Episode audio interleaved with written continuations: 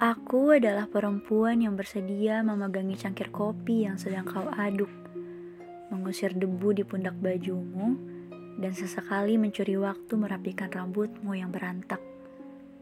Aku ingin menjadi seseorang yang paling gegas mengucap dan mengecupkan selamat pagi untukmu, menjadi tirai yang menyibak kemalasanmu, atau menjadi diamu yang paling sunyi merapal dan melafalkan rindu sebab tahu bahwa bising hanya akan mencipta buru-buru.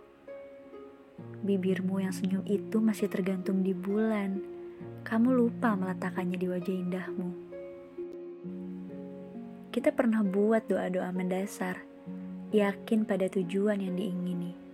Semua janji untuk meraih mimpi bersama kita genggam dengan erat mendorongmu menuju gemintang di ujung dunia sana. Bisa kamu lihat? Kita pernah mencoba untuk saling mencintai namun gagal. Karena nyatanya cinta tak bisa berdaya di hadapan iftirok. Demi kantuk yang lihai kita buat takluk. Sungguh, aku ingin kau menghadiahiku peluru dan hujamkan tepat ke bilik di mana denyut yang sia-sia itu berlangsung.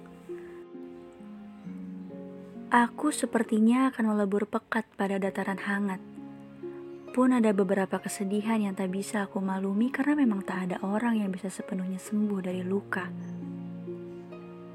Meski kamu adalah ladang jentaka yang sebenar-benarnya ada, kamu tenang saja.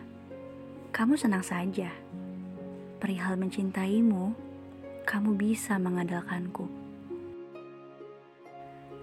Memang begitu sulit melupakan satu peristiwa sakral sewaktu semburat merah surya tapi aku selalu yakin bahwa suatu saat nanti aku akan ditemukan ataupun menemukan seseorang yang paham betul bagaimana caranya menjaga hati.